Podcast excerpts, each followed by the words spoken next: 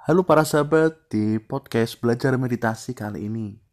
Kali ini saya mau berbicara tentang keunikan pribadi.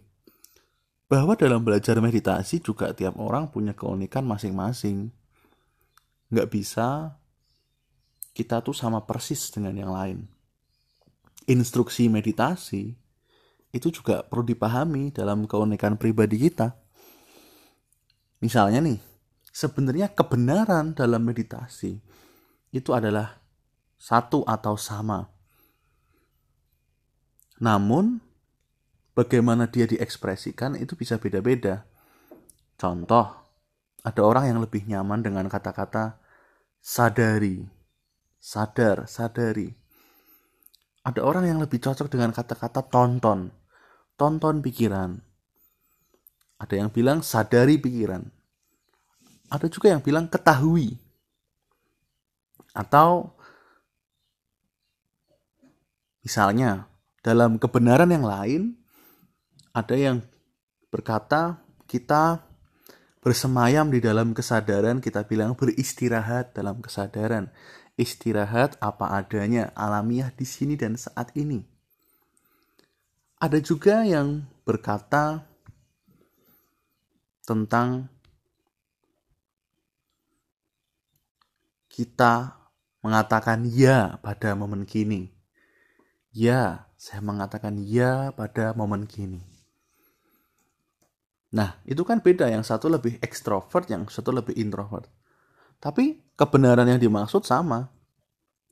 Dan sebenarnya itu ya bagi orang yang misalnya kita adalah pemandu meditasi dan kita berbicara di depan publik yang lumayan ramai, kita bisa mengatakan dua-duanya.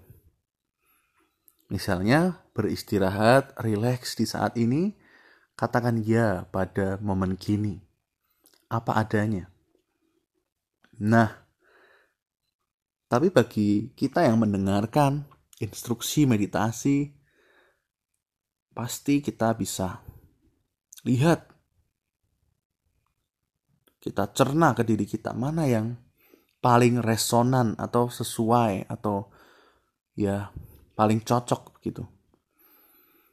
Apalagi kalau dikala emosi itu menerjang ya, misalnya saat lagi marah banget atau sedih banget gitu. Saat lagi yang banget-banget itu kita ya perlu cermat dan perlu menggunakan sumber daya yang paling cocok dengan kita. Karena saat kita lagi diterpa emosi yang banget-banget itu, kita tidak punya satu sumber daya untuk meloncat dari tendensi bawaan kita. Jadi penting banget untuk bisa ngerti ini dan mungkin akan dibahas di podcast-podcast berikutnya. Tapi ya semoga ini bisa membawa satu berkah ya bahwa memang saat ini dan di sini kebenaran dari meditasi sebenarnya tidak bisa dijelaskan, tidak bisa dikatakan, tapi bisa terekspresikan melalui banyak cara. Oke, terima kasih teman-teman semua. Berkah mengalir selalu. Salam belajar meditasi.